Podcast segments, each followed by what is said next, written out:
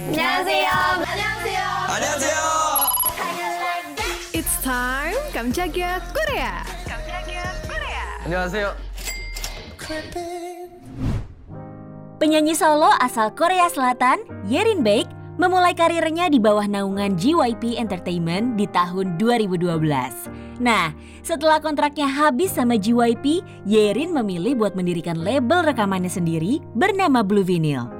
Bersama dengan label musiknya, ia melakukan self-producing dan telah menghasilkan beberapa album.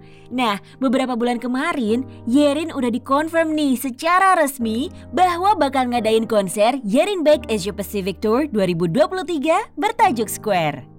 Konser ini bakal digelar di Jakarta pada 31 Mei mendatang. Yerin ngebagiin jadwal konsernya lewat akun Instagram dan Twitternya.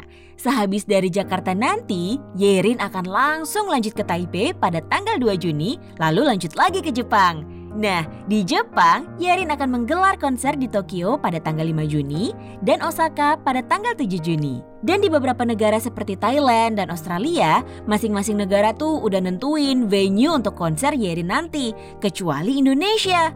Nah, hal inilah yang jadi pertanyaan dari para fans nih. Soalnya, sampai sekarang belum ada tuh informasi resmi dari pihak promotor yang bakal bawa Yerin ke tanah air. Sama halnya informasi mengenai venue dan harga tiket konsernya pun juga belum diumumin oleh Yerin maupun sang promotor.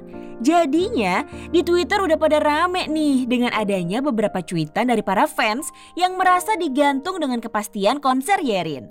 So, we better stay tune dan pantengin terus sosial media Yerin dan sang promotor ya Sobat Medio. Gue Jayanti Cinde pamit. Jangan lupa nonton videonya Kamchagia Korea What's On di YouTube Medio by KG Media.